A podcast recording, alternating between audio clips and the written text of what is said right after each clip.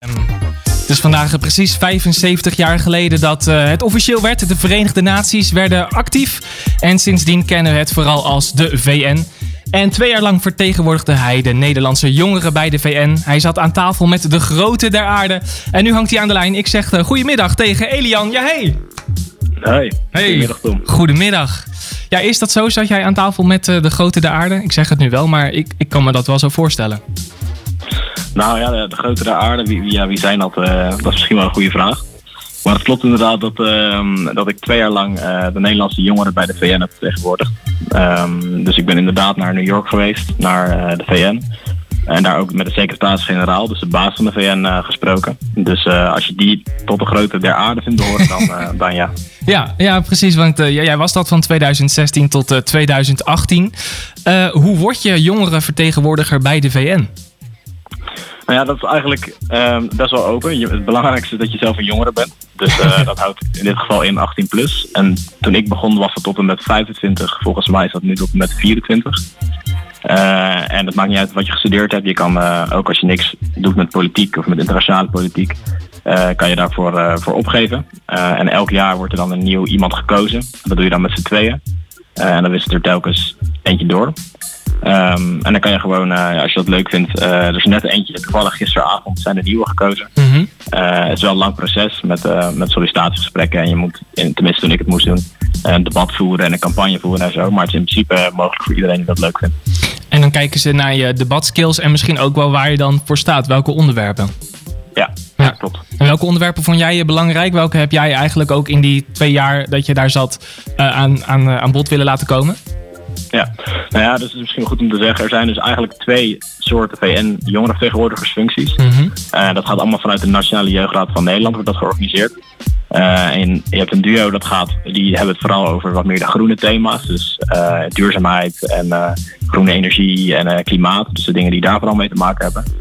Uh, en de andere functie, die heet nu Mensenrechten en Veiligheid. Die heb ik gedaan. Um, die gaan dus wat meer over de sociale dingen. Dus waar mensen mee te maken krijgen. Dat kunnen mensenrechten zijn, maar dat kan ook uh, oorlog zijn en vluchtelingen. Uh, en waar ik mezelf vooral op focuste in die tijd was... we zaten toen in de Veiligheidsraad een jaar in Nederland. Ja, was best een luxe positie dus natuurlijk. Uh, ja, nee, klopt. Ja, we hebben daar, daar, daar echt tussen de grote der aarde gezeten. Want dat is de raad die binnen de VN nog machtigst is. Um, en dat is dus samen met China bijvoorbeeld en met Amerika. En die hebben het vooral over veiligheid. Uh, toen hebben wij, heb ik met mijn collega een project gedaan over radicalisering. Um, onder, onder jongeren, maar vooral over wat jongeren daar voor positieve dingen tegen doen.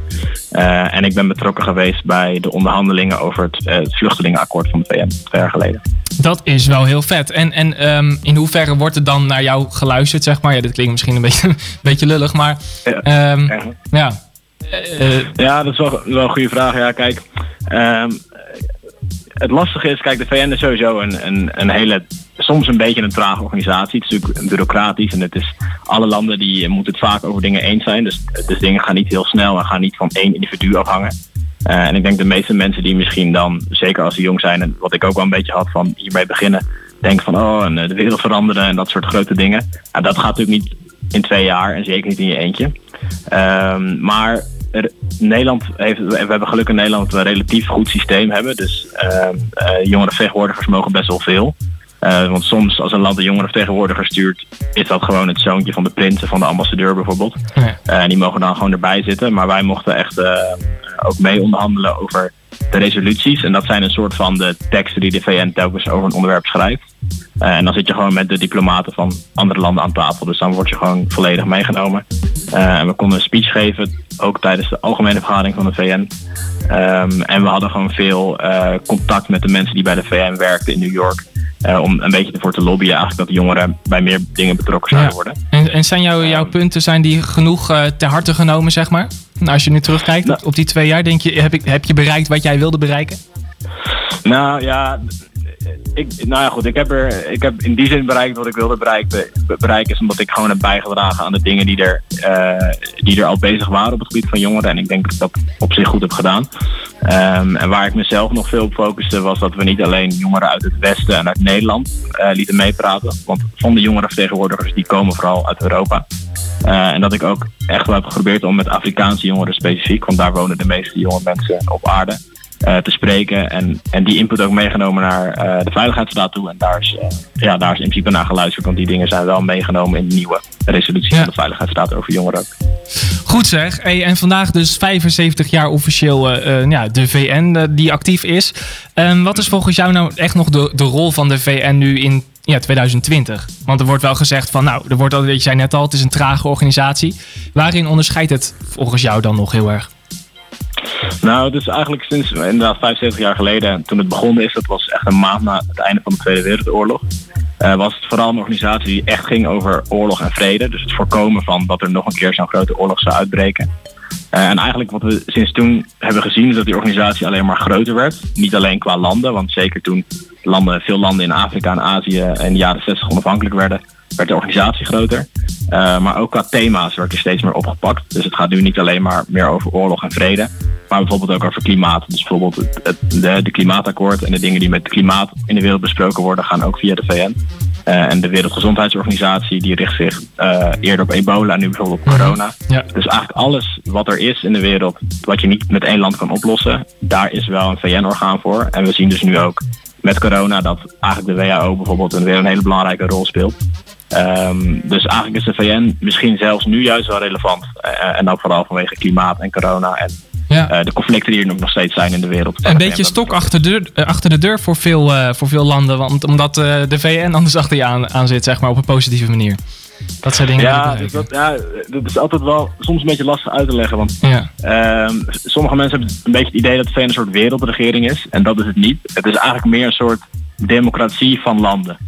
Uh, dus als alle landen zouden besluiten, we vinden de VN niet belangrijk, dan is de VN ook niet meer belangrijk. en als alle landen gaan besluiten, we vinden de VN wel belangrijk, dan is de VN wel belangrijk. Ja, nou, dat uh, de VN zelf is niet een super grote organisatie met superveel mensen en superveel macht. Het hangt echt af van wat landen zelf willen doen. Uh, en of die willen bijdragen. En we zien dus bijvoorbeeld wel uh, dat als het gaat over klimaat, dat wel de VN de organisatie is, of het platform eigenlijk meer waarop dan de afspraken gemaakt worden. Zeg maar. Ja. Nou, dat is, dat is hartstikke goed. En jij mocht daarbij betrokken zijn. En nu is het uh, 75 jaar en je bent nu de, de, een van de Nederlandse ambassadeurs voor 75 jaar Verenigde Naties. Wat houdt dat dan nog in? Nou ja, omdat het natuurlijk wel uh, 75 jaar is natuurlijk wel een mooi uh, soort jubileum eigenlijk. -hmm. um, en dan de Nederlandse vereniging van de VN. Je hebt in verschillende landen ook verenigingen die zich bezighouden met het werk van de VN. Uh, die hebben dus een paar ambassadeurs, waaronder ik. Uh, onder wie ik, die um, ook proberen dat wat meer te laten leven, zeg maar, onder mensen in de verschillende landen die lid zijn bij de VN. Ja. Uh, omdat het inderdaad nogal best wel soms een bureaucratische bedoeling is, is het voor iedereen niet altijd even duidelijk wat er precies gebeurt. Um, dus daar zit ook Herman van Veen, is ook een van de ambassadeurs ja. en, uh, en nog een bekende YouTuber. Dus ja, Nicky de Jager, Glennis Grace, Herman van Veen, dat is, dat is nog wel een rijtje. ja, ja, precies. Nou ja, goed, de VN is er voor iedereen natuurlijk. Ja. Nou ja, we proberen ook wel echt zoveel mogelijk verschillende mensen te bereiken. Dus niet alleen al de mensen die het al of interessant of belangrijk vinden, maar ook, um, nou goed, iedereen die er misschien niet elke dag mee bezig is. Nee. Elian, hey, dankjewel. En um, nou, ik ben heel benieuwd of wat we in de toekomst nog uh, ergens van jou uh, gaan zien. Misschien ben je... Ja. Ambieer je nog de baas van de VN worden of zo? Nou, nee, eigenlijk helemaal nee. nee, dat, dat, dat, dat is me net iets te, te bureaucratisch en te veel dingen waar je dan rekening mee moet houden. Um, dus nee, maar nee. ik vind het nog steeds wel een belangrijke organisatie. Ik zou altijd wel geïnteresseerd en betrokken blijven. Nou, hartstikke goed. Als er nog ergens nieuws te melden is, dan uh, horen we het graag. Elian, hey, dankjewel ja. en nog een hele fijne zaterdag. Tot jij ook. Tot ziens.